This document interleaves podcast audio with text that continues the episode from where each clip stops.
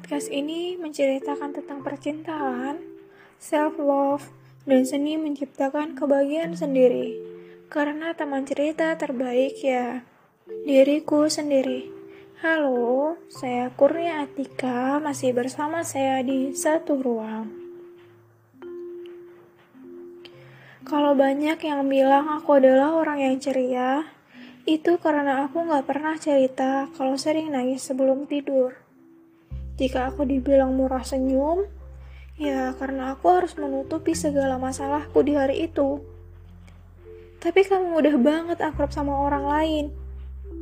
Tapi aku juga selalu merasa kesepian walaupun di halayak ramai. Kamu itu beruntung banget loh bisa ngelakuin apa pun yang kamu mau. Tapi kenapa lebih suka mendem di kamar seharian? Karena banyak yang kalian gak tahu tentang aku because the judge is cover. Cobalah menilai bukan hanya dari apa yang kamu dengar. Masih banyak yang perlu kamu dengar dan belum kamu lihat. Sekali lagi, coba pastikan apakah dia benar-benar baik saja di balik kamar itu. Mari kita lihat apakah dia menyimpan benda tajam atau bahkan obat terlarang. Coba tanyakan pada benda yang di dalam itu. Seberapa sering dia menangis, berteriak, dan bahkan menyakiti dirinya sendiri hanya untuk mendapatkan ketenangan yang sejenak itu. Perhatikan tangannya, seberapa banyak goresan atau sayatan benda tajam yang melukai tangannya itu. Pasti bukan hanya sekedar tetesan darah yang keluar. Ada sedikit masalah yang ikut terkeluarkan. Berapa kali dia mencoba minum obat tidur hanya untuk meredakan pikiran yang bergejolak di dalam kepala.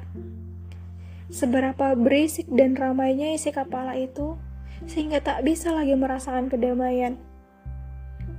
Banyak validasi dari orang yang tak mengenal, karena kamu kurang ibadah.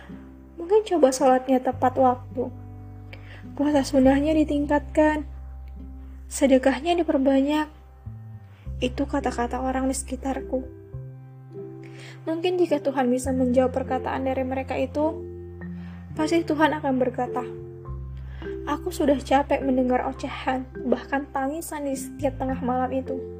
Entah apa harus ditangisi, bahkan sudah banyak sekali nikmat yang telah aku berikan padanya. Aku selalu bersyukur atas kehidupanku, tapi aku selalu mengeluh di hadapan Tuhanku dan selalu beranggapan, Tuhan, mengapa aku berbeda? Aku bersyukur atas keluarga yang lengkap hingga saat ini. Tapi kenapa hanya aku yang bisa membuatnya bisa berkumpul lengkap? Aku bersyukur bisa kuliah. Tapi kenapa hanya aku yang harus dibiarkan pergi jauh dari rumah di saat aku masih ingin tinggal bersama? Jangan banyak pikiran, masih muda, gak semua harus dipikirin. Itu kata mereka di kala menasehatiku. Sebenarnya cuma butuh didengar, tanpa adanya validasi apa pun. Udah capek dengarkan kata-kata itu dari setiap orang. Kalau lagi capek ya tetap aja capek.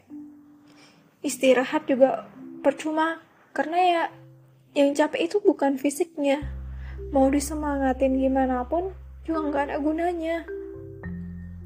Tapi beruntungnya aku, Tuhan selalu memberi aku kesempatan untuk kembali ke jalan yang benar.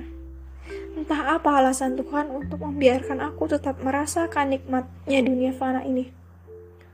Apa pun alasan Tuhan, aku sangat berterima kasih atas semua yang sudah Dia berikan dan dihadirkan ke dalam hidupku. Pasti aku bisa kuat sampai tamat. Semoga kalian juga sehat selalu, damai terus pikirannya, stay healthy dan stay safety. Oke, okay, see you. Terima kasih udah mendengarkan.